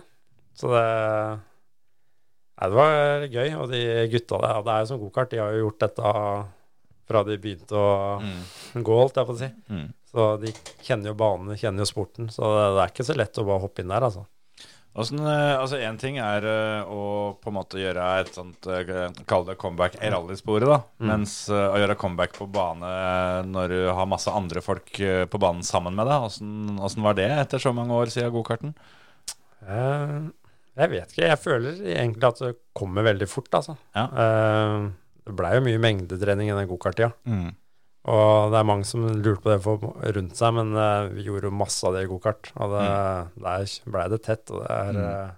Jeg, ikke jeg har sånn for min del, altså når jeg kjører da bilcross med, med fem, altså fem andre biler hit, da, Mm. det er jo det er null stress. Mm. Jeg er vant til å kjøre med 30-34 stykker, liksom. Ja. Det er eh, det å kjøre da, eh, sånn som bilcross, da jeg har full kontroll på hvem som har vært i alternativsporet, ikke. Mm. Eh, Fordi det er jo bare fire eller fem andre å følge med på. Mm. Nå som er gokart, kikker du bak deg, så kan du se sju plasser bak og vite åssen Ja. det ligger an, liksom. Mm, mm. Så det er uh, Så jeg følte aldri det var en greie, egentlig. Nei. Men uh, når du har uh, Ja, nå ble det jo, er det jo mest sannsynlig bare det rallycrossløp, men når du har gått over til crosskart, da eh, Sånn du sier du er jo litt petimeter. Ja, da tenker jeg på da innstillinger. Syns du det er lettere å liksom typ demperinnstillinger og den slags da? Er det, er det vanskeligere på bane enn hva det er på et rally? Nei, nei jeg, bane føler jeg egentlig det er lettere, for du har, jeg føler du har likere forhold Mm. eh, for hver tur. Og så svingene går jo stort sett Ja, det er veldig likt. Mens Ja. eh, rally så er det så mange ting som endrer seg. Veien blir mer kjørt opp og sånne ting. Så bane føler jeg nesten at du må ha et mer spissa oppsett, da. Eh, mens rally går, eh, i hvert fall min del, er mer at du liksom har godfølelsen, at du liksom er trygg på de ting som skal skje. mm. Fordi du får jo ikke Får den jo ikke perfekt i alle forhold, men hvis du har den sånn at du liksom ja, Jeg stoler på den og vet hva du skal gjøre til enhver tid. Mm. Så går det mer på det, føler jeg, i rally enn uh, på bane. Der uh, må det være helt helt spisst oppsett, da. Men Ja. uh, crosskart er ikke så kresent på det, da. For jeg har jo vært på noen turer med faren din, Mm. eh, med David Nygaard, Norgård, Ja, ja, ja. opp igjennom. Og da ender vi jo alltid oppe i toppen av bussen der med noe i glasset og snakke om dempere. Det er en liten lidenskap hjemme hos dere. Mm, Ja, det har jo blitt det. Eh, vi starta vel egentlig når vi var 18, eh, med den Civicen vi begynte med. Der var det noen dempere vi ikke åpna. Så det lærte vi vel av faren til Kenneth Jonsrud, Ragnar Jonsrud. Ja. Hvis vi skulle åpne det, så har det egentlig bare gått slag i slag, da. Og jeg syns det har vært spennende å endre litt nedi der og kjenne hva som skjer. Ja. For, for nå er jo du da den eh, som folk sender da dempere til. Ja, vi har, vi har jo noen. Så har det vært litt begrensa hva jeg kan ha gjort, da, i og med at jeg er aktiv sjøl. Men Mm. eh, nå så har jeg trappa det opp litt mer, da. Så, men nå har jeg en bror som skal prøve å få kjørt litt mer til året, da, så det, det er travelt. Ja. Ja, for uh, Martin, har han planer om å kjøre noe EM, eller? Ja, han har lyst til det. Så han har passa litt dårlig at første runde ble framskyndet en måned nå, merker jeg. Men uh, han har lyst til å prøve seg. Han fikk veldig mersmak etter Tyskland da, i fjor høst. Ja. ja, det kan jeg få- i grunnen skjønne. ja. Mm. For der er du eh, tungt, eh, tungt involvert når han kjører. Ja, eh, Forden han bygde den jo mer eller mindre sjøl, faktisk. Mm. Nå har jeg vært med en del, men Skådan står hjemme hos eh, meg nå, da, så nå holder vi på hver dag nesten. For det blir nesten et uh, tobilsteam, det da, med han og Jens. ja, han òg skal jo kjøre, så det, det blir spennende å se åssen det der drar i vei utover sesongen. Ja. Jens Mad Dog. Ja. Vaskebjørn, ja.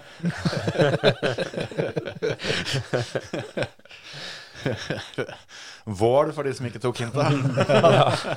Alle tok det med Mad Dog, jeg er helt sikker. ja, og røyken ikke der, så tror jeg vaskebjørnen tok det. Nei da, det, det kan bli moro, det. Eh, For det, sjøl om du har hatt en del opphold i din egen kjøring, så, så har det vært eh, Du har vært med rundt. Ja, absolutt. Både med, både med Martin, da, men også mye med Anders Grøndal, som, eh, som da resulterte i, i det comebacket ditt i år. da Og du har vel vært med Eivind Brynildsen en god del òg. Mm. Og er med dem på test og jobba litt med demperne og ja, litt sånne ting. Ja, det blir jo det med Eivind, ja begge egentlig, men mest med Eivind nå den siste tida, da. Mm. Og da, ja det er jo dempere og oppsett, eller det er jo egentlig alt av hele pakka. Det er jo så sammensatt rally. Mm. Mm. Så vi bruker hverandre som sperringspartner eh, på egentlig det meste der. Åssen er det en holdt på å si, normal test da når du er med dem? da? For det, du er jo med dem som kartleser på testløypa litt sånn da. Og hva er det som foregår inni bilen og, og på en måte på utsida som Ja. Nei, det vi jobber med, er jo Vi har jo som regel prata mye i forkant, da. Mm. Med hvem, hva vi ønsker å forbedre. Så det er jo egentlig det vi diskuterer da underveis, og om det er kjøring eller om det er bil, eller uh, hvordan vi skal løse det. Mm. Åssen reagerer Eivind Brynesen når du sier at det her er ikke noe gærent med bilen? Det er, det er du som er feil her, Eivind. Nei, akkurat der så er han ganske unik, altså. Han kan være enden, og han også bare drar han i brekket. Ja vel, og så klinker han til tilbake igjen. Så han er helt rå på det der. Uh, Det er ikke noe Begge dem egentlig, de setter jo pris på at jeg gir ærlige tilbakemeldinger. Mm. Men jeg føler jo også at uh, rallysporten er jo egentlig ikke noe sport der uh, man har en trener, på en måte. Nei. Nei, for det, Eller det er ikke så veldig vanlig, det. Nei, men jeg mener jo at det er jo supert, fordi du blir veldig din egen boble når du holder på med det der. Ja. Og det å få litt uh, tilbakemelding utafra og sånn, det tror jeg er bare veldig, veldig sunt, da. Mm. Jeg mener å huske det når Eivind var her, så tror jeg han nevnte deg og, og, og den jobben dere har gjort sammen, som, eh, som veldig viktig for hans del. Ja, Så, Så vi har brukt mye tid, så det er jo det er jo veldig gøy, da. Å jobbe med det. mm. Har du fått lov til å prøve enten bil til Eivind eller Anders på test? Altså Eh. en R5? Eh, ja, Anders' har jeg vel så vidt prøvd, men eh, takka nei nå senest før eh, Numedal med den til Eivind. Mm. Eh, men nå som jeg har kjørt litt, så er kanskje det er litt lettere å si ja. Ja. Men jeg følte jeg var så rusten at jeg måtte ha flere turer før jeg liksom kan komme med noe da, ja. tilbake. Ja, for det er, ikke, det er ikke sånn når dere er på test at det ta så flytt deg, så skal jeg vise deg hvordan dette er her, hva jeg mener for noe, liksom. Nei, vi er ikke helt der. Men har du tenkt det noen ganger? Nei, vet du hva, det Ja, jeg tror eh, alle som har sett Smådøla Nemen, så er det er ikke så mye å pirke på der. Det er, eh, det er helt vilt. Det har jeg i grunnen eh, tenkt det sjøl når, når jeg så det, at eh, jeg er i hvert fall ikke i stand til å, å sette fingeren på hvor, hvor han taper noe, om han taper noe. Ja. Nei, det er, eh, det er heftig. Føler du at det på en måte demper litt eh, det eventuelle suget du har for å kjøre sjøl? Det, det å være med og bidra på den måten der? Ja, klart, det hjelper jo masse. Mm. Det gjør det. Men uh, når jeg fikk kjørt Numedal nå, så var det jo faen, det, er, det, er, det er aspekter der du mister, altså. Når Mm. ikke du sitter bak rattet sjøl. Men uh, det er jo rått å få vært med på det der. Altså, Du får jo absolutt uh, liksom fylle litt av kvota. Er det noen planer for å få på seg kjøledressen igjen uh, i tida framover, eller? Nei, Egentlig ikke, men det har jo blitt noen telefoner etter Numedal, da, men det er jo fortsatt ja, langt fram og veldig uvisst. Så foreløpig så er det ikke noe som eh, er klart, nei. Har, har en, en bil som du ikke har eh, prøvd, altså biltype, som ikke du har prøvd i rally, som du gjerne skulle ønske og du kunne kjørt et rally? Eskort jeg Escort synes jeg- MK2 for eksempel. Eh, hvis det går den veien, så er jeg mer på eh, 306 Maxi Kitcar eller noe sånt. Ja. Noe sånt. Det, Ikke sant? Det hadde vært tøft det òg, altså. Bare lyden der er jo magisk. Ja. Mm. Ja, men det må vel finnes en sånn en stående et eller annet sted? Må være noen finnes, som men har det det. er mange av de. Nei, kanskje ikke det som er lettest å pelle ned fra ei hylle. Nei. Men hvis det er noen som har, da, så er det bare å ringe, så kan du, du kan lufte ned et løp, liksom. Så ikke, så ikke det står seg i hjel. Ja, ja, ja, absolutt. Nei, jeg, Rally Larvik, for eksempel. Å. Ja. Kan, eh, kan til og med levere den tilbake med nyoveralt og demper her, si. ja, det skal han få, da. altså. Det skal han få. Ja. Ja, for med 83 pallplasser, eh, 52 førsteplasser da, eh, 21 andreplasser og 10 tredjeplasser, så kan du jo ikke gi deg nå. Eh, nei, jeg har jo ikke lyst til det. Men eh, det er noe med denne kabalen da, som må gå opp. Sa du ikke i stad at det var 158 start her? Mm. Og 83 på pallen, det er over halvparten, det. Mm. Det Vi, må, funker. vi er nødt til å nå 100 pallplasser, Anders, det, før, vi, ja, ja. Før vi gir oss. Men så er det som vi snakka om tidligere, da, at den gir seg jo aldri. Det er bare å ta litt lengre pauser. Ja, jeg har jo tatt litt pauser, og jeg vet jo aldri hva som skjer. Men uh, man blir ikke akkurat yngre, da. Nei, det er Men jeg kikka litt på han Trond Lyseng, og han, uh, han har jo kjørt noen år, han. Ja, han har ikke gitt seg. Nei, så du, du kan jo Det er mange gode år igjen. Ja, det er jo det.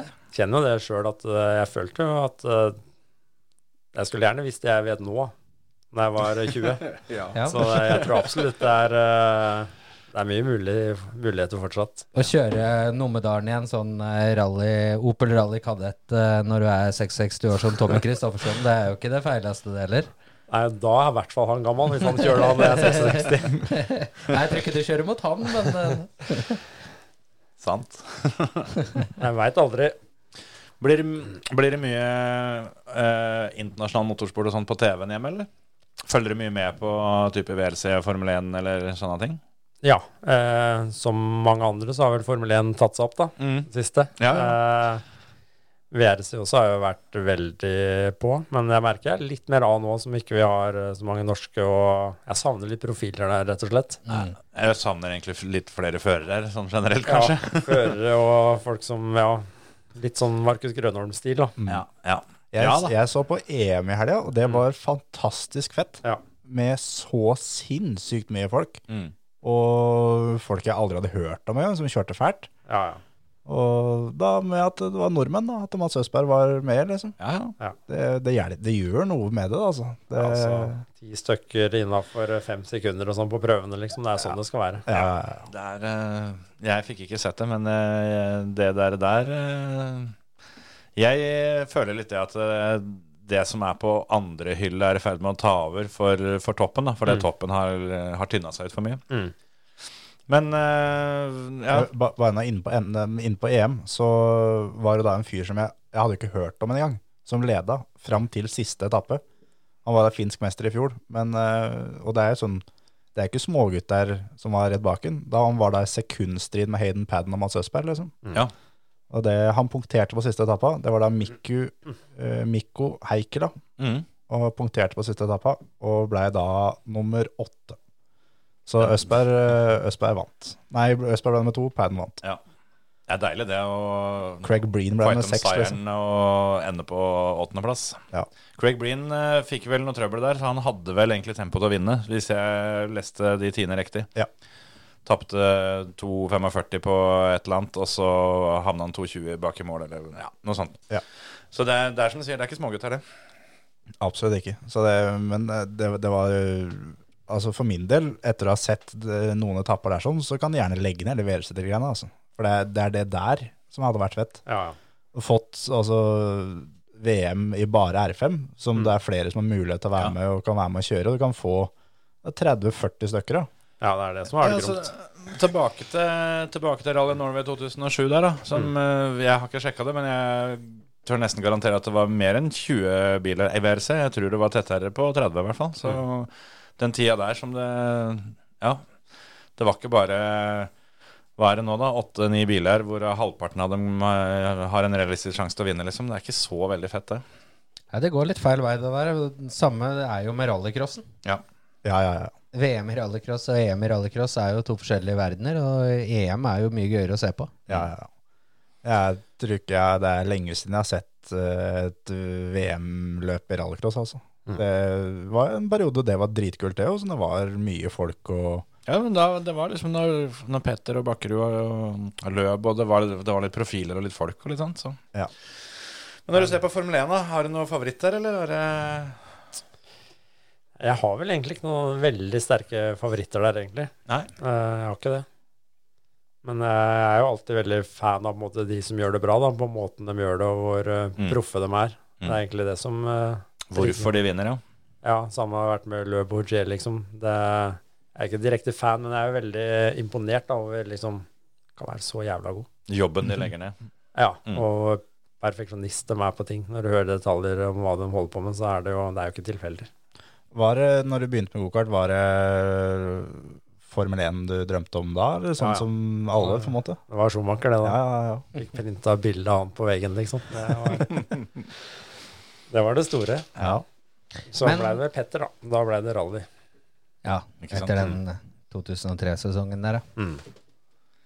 Men eh, jeg har pleid å spørre i hvert fall noen som har vært her, da. Men den liksom største, eventuelt første og største seieren du kan huske, da? Den som har gjort mest inntrykk, om, liksom, om det var mest slitsomt, eller at den dagen klaffa, eller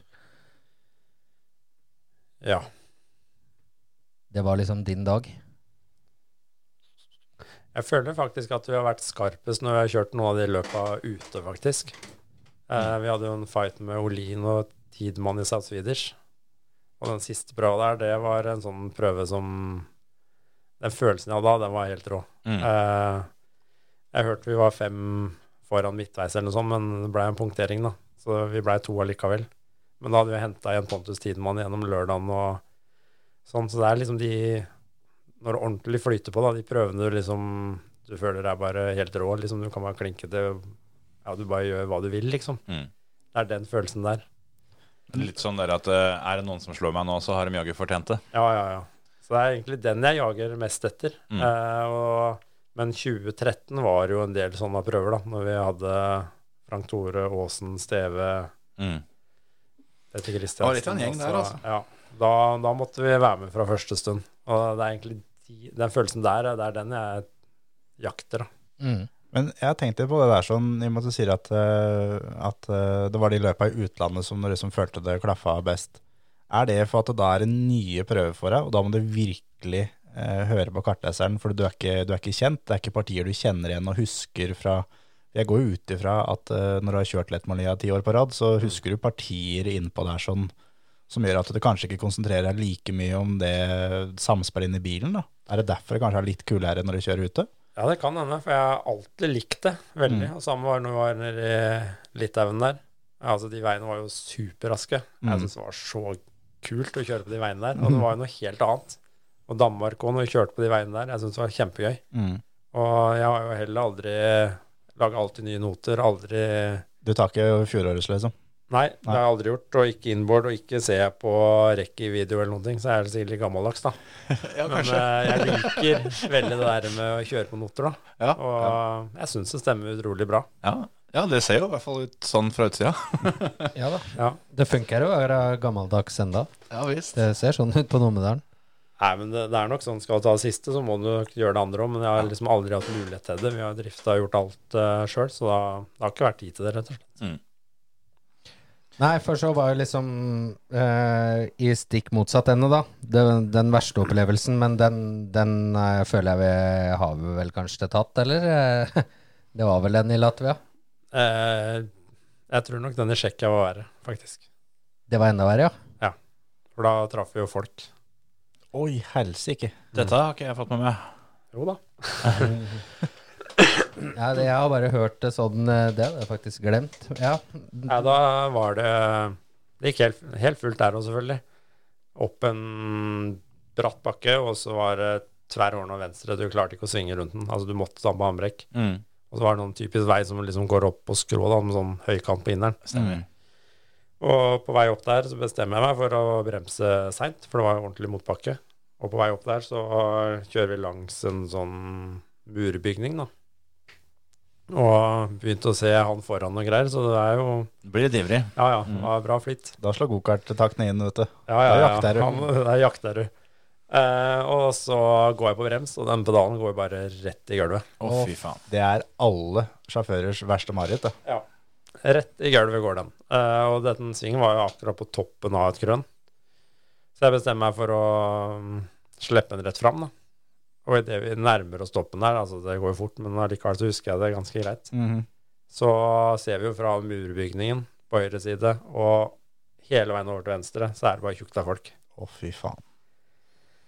Så da skjønner vi jo det at uh, hvor dette bærer. Uh, jeg husker Trond, han peker opp til venstre. Ja. Uh, opp i jordvollen der. Der var det minst folk, da. Mm. Så styrer vi opp dit, og vi slår i, i den volden ja, rett under skosålene på de som sitter der. Ja. Og vi slår liksom 360 og en gang rundt da, i lufta over folk, og lander rett på, på veien igjen, da. I det veidelet. Helsike. Ja. Da, da, da tenkte jeg at det er vel det siste jeg gjør antagelig når jeg går ut der, for da, nå tar de meg sikkert. Ja. Men uh, ja, det var jo fullstendig kaos. uh, når jeg gikk ut der. Men uh, det første jeg tenkte, at det, de ligger under bil. Mm. Ja, du, du var sikker på at nå, nå har jeg drept noen, liksom? Ja, ja, jeg er helt sikker. Mm. Uh, så går vi ut, og så ser vi jo det at det er jo ingen rundt. Det er jo fullstendig kaos, og det kommer biler og masse. Men uh, vi hadde truffet noen. Uh, vi har tatt hjernerystelse og knekt noen bein. Ja. Eh, Det får nesten være innafor, ut ifra forutsetningene. ja, vet du hva. Det var uh...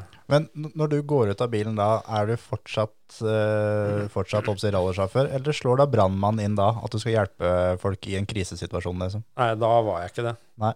Eh, men jeg husker at det kom noen tidlig bort til meg liksom, og støtta meg. Det husker jeg. Mm. og også på den tida der så var det jo sånn at Jeg vet ikke åssen det er nå, men sperrevakter hadde ingen makt.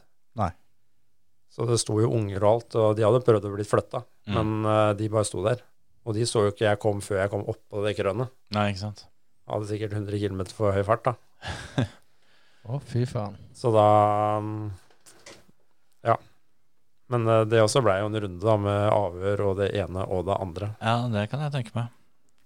Dæven steike. Så ja.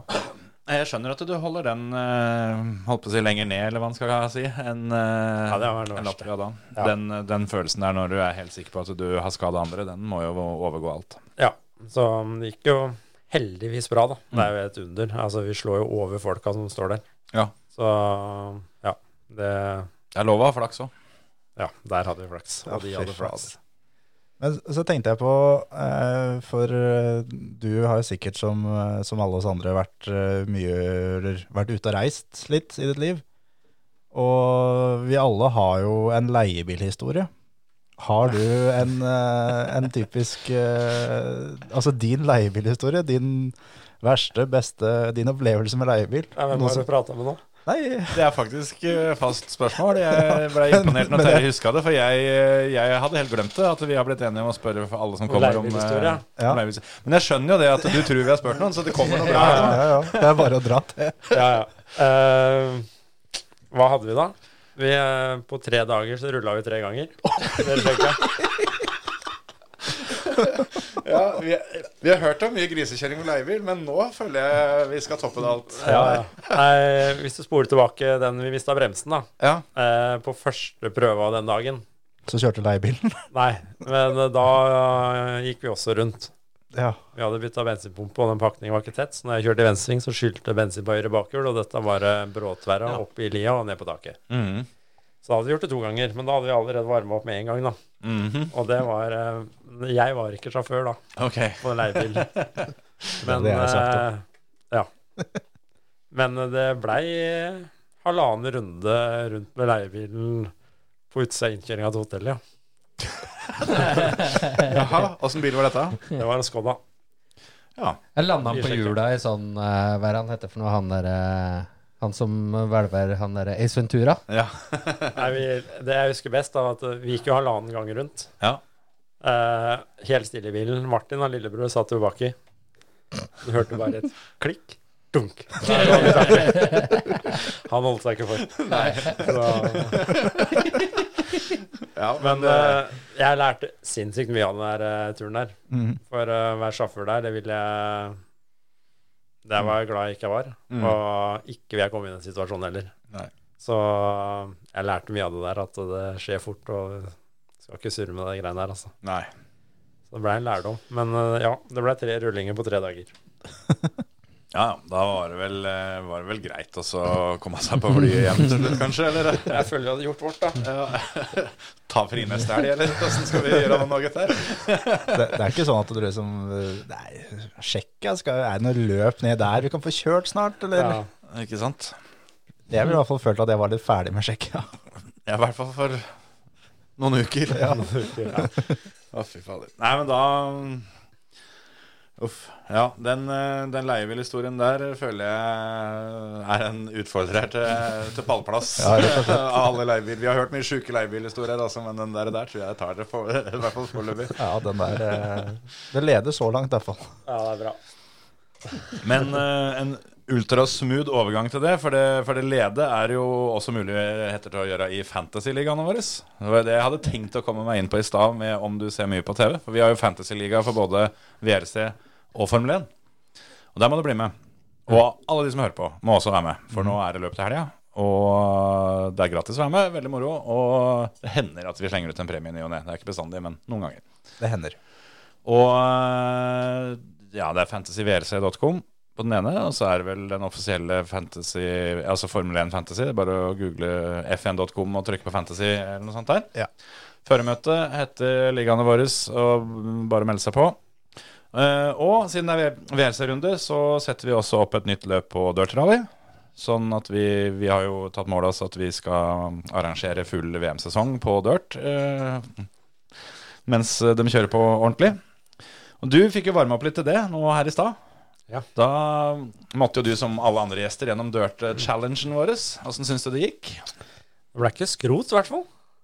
Nei, det, du, du, var, du var snill med bilen. Ja, jeg var Men, i det. men det var et punkt som det gikk forlengs, som du sa at ja, men her det strammer jeg ikke selene engang. Nei, det er sant, det. det, er sant, det. Ja, det er, det er litt billigere på, på TV-spillet, holdt jeg på å si. Det er litt greiere der, altså. Åssen åssen tror du, tror du du målte deg mot, uh, mot de beste? Vi har vel hatt en uh, rundt 30 stykker uh, som har kjørt. Nærmer oss før. Nærmest før, faktisk. Ja, der kan du se. Hvor tror du du havner? Mm, at de som er raske, er mye raskere, det er jeg helt sikker på. For jeg husker den tida der man kan jo holde fullt mange steder av det der jeg ikke holdt. Så, men jeg vet ikke. Kanskje midt på tre. Kanskje.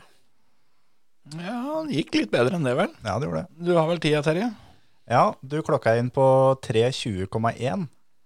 Og eh, du til midt på tre. Du er over midt på tre. Du er på øvre halvdel. Og Simen S. Hagen er da den som er raskest. Han har 3.07,6. Og du går inn på en eh, 13.-plass, rett foran eh, Jarle D. Olaveira Granheim, og rett bak eh, Tommy Østgaard. Ja, det var ikke verst. Nei, Jeg syns det der står seg. Du, Ja. eh, du kjørte ned 40 sekunder eller noe sånt nesten fra, fra første testturen. Så det var tydelig det at du, du har noen triks oppi ermet som eh, kan overføres til, til, til simulatorkjøring òg. Ja, det er litt annerledes det der, men det er fryktelig gøy, da. Ja, det er det. Har du, har du sånt hjemme, eller? Har du tid til det? Eh, nei, eh, jeg bygde en faktisk når koronaen kom, da, som mm. alle andre. Mm. Men eh, jeg hadde ikke tid til bruken, så jeg solgte den. Ja. Jeg tror for øvrig at jeg har den, din gamle PC. Ja, det, det det? tenkte jeg på. At det lurer jeg på Jeg om, mener at eh, Kjetil ble- sa det. Det ble snakka om det. At du hadde lånt en, en PC for å ha til simulatoren eller noe sånt nå, som vi, vi kjøpte til, til Terje. nå. Den har i hvert fall ikke jeg slitt ut. Nei, den jobben er det jeg som tar meg. Så Ja. Nei, det, det, er, det, er jo, det er jo moro. Det er jo helt Ja. riktig, det. Så nå får folk der hjemme sjansen til å kjøre litt i eh, Det blir rally USA på Dirt, som er det som tilsvarer rally Mexico. Ikke sant. Men har du et par paller eh, du kan tippe til helga, da? Det er jo både Formel 1 og Tippe vinneren i begge løpa. Eh, ja. Det er kjedelig å ta de safe, da. Det er akkurat det. Ja, det er derfor vi pleier å ta pallen, for da kan du ta Verstappen først, og så, ta, så er det liksom de to neste som egentlig er litt spennende. Ja. Eh, hvem skal jeg ta der, da? Det er jo kjedelig å ta Verstappen, da, men jeg er redd han uh, er der. Ja. Uh, hvem kan vi få opp nå, da? Den er ikke, den er ikke, er ikke så lett, den der, der altså. Nei, nå er det, Nå det er ting som skjer. i Saudi-Arabia. Der går det jo usannsynlig fort. Mm. Ja. Aston Martin hadde jo bra tempo, i hvert fall. Hadde Mm. det. Fått Alonso, da. Mm. Alonso til å vinne, ja. Og så må vi få Has-teamet til å klikke helt, så blir de nummer tre. Det hadde vært sånn å få sett på TV, i hvert fall. Ja. Ja, jeg tror ikke det skjer, men uh, ja. Det hadde vært gøy. ja. Det hadde vært gøy. Det hadde vært veldig moro. Det er jo litt gøy å, å se hva Williams kan uh, få til, da. Om de kommer seg enda lenger opp. eh, Tenk deg å ha fått Hulkenberg på pallen. Endelig. Ja, det rått. rått. Dobbeltseier til Has der. Jeg føler dere trenger litt etter den første runden, så må det være litt action på neste. Ja. ja. Det har, eh, det har blitt konkludert med veldig mye rart etter eh, at eh, det har blitt kjørt ett av 23 løp eller noe sånt. Så har jeg sett veldig mange der ute som nå på en måte har fasiten for hva som skal skje de par og 20 neste løpa. Så det blir spennende å se. Jeg håper egentlig at det bare blir veldig annerledes sånn for sesongens del. At det blir litt moro. Den første Has-bilen som ble delt i to, var vel i Saudi-Arabia i fjor, var det ikke det? Jo, stemmer. Sant. Det er jo en bane med litt action, i hvert fall. Men VRC, da? Hva tror du der? Ja, nå har jeg ikke helt i huet hva som er eh, startposisjon og alt det der. Det har jo gjort Men er Ogier er tilbake, i hvert fall. Okay. I Mexico, ja. Ja. Så han vil jo starte Ja. langt bak. Ja, han vil jo være sterk, da. Han starter vel på femte, Mm. tror jeg. Hvis jeg har, eh, hvis jeg har rett, så er det, det er Tanak og Kalle Eller Tanak er eh, først, og så er det Kalle, Neville, Evans, Ogier og Lappi. Mm. Som de første gutta. Det har vel en del å si borti Mexico. Det har Ja. vel sett sånn ut før. Og så er jo ting litt annerledes, at det er høyt, eh, høyt oppe og mye sånt som påvirker. Mm. Var det ikke der borte eh, Petter måtte dytte bilen i oppoverbakke for mange år siden? Jo, inn på service, ja. Ja, Det tror jeg ikke han glemmer med det første. Nei, det den husker jeg nok. Jeg tror faktisk musklene hans husker det enda. Ja, det kan godt hende. Ikke rart han ble sjuk, vet du. Uff. Men Oliver har jo fordel, da, som starter tidlig i sin klasse. Ja, sjøl om det er jo litt sånn opp og ned, for der velger jo arrangøren startrekkefølge. Fant vi jo ut sist, var det ikke det? At uh, der uh, er pga. TV-sendinga, så bare plukker de ut uh, hvem de vil ha først. Okay. Det er jo litt eh, sært. Men eh, ja, det er, er vel interessert i å komme på TV, så de klager vel ikke for mye, tenker jeg. Nei, så vet jeg ikke om det er fullt startfelt i R5. Nei, det er det vel ikke. Ikke Mexico. Eh, det er Oliver og Gus Greensmith, eh, Adrian Formoe i hvert fall. Og så Han russeren kjører vel? Grasin er påmeldt, ja, men han veit jeg ikke om jeg er usikker på om han er nominert for poeng. Jeg tror ikke han tar poeng, men han skal i hvert fall kjøre, ja. Ja. Og ja, det, det er en liten håndfull, men det er ikke, det er ikke like sjukt som det blir på en del av europarundene. Der er jo WRC2-feltet i år er jo helt eh, kokos. Ja, det er synd ikke de alle skal kjøre alle rundene på det der, syns jeg. Altså, det skal Ja, helt enig. det der uh, Veldig rart opplegg. Der. Ja, ja. Ja. Vi får se åssen det går. Men eh, jeg lurer på om vi bare skal mm, takke for at du tok en tur. jeg. Og så håper vi veldig at eh, det vi var vitne til oppe på Numedalen, ikke var et engangstilfelle. At vi får se deg i bilen igjen før det går altfor lenge, i hvert fall. Jeg håper det samme. Ja, det er godt å høre. Takk for besøket, Anders. Takk skal du ha. Ha det bra. Ha det.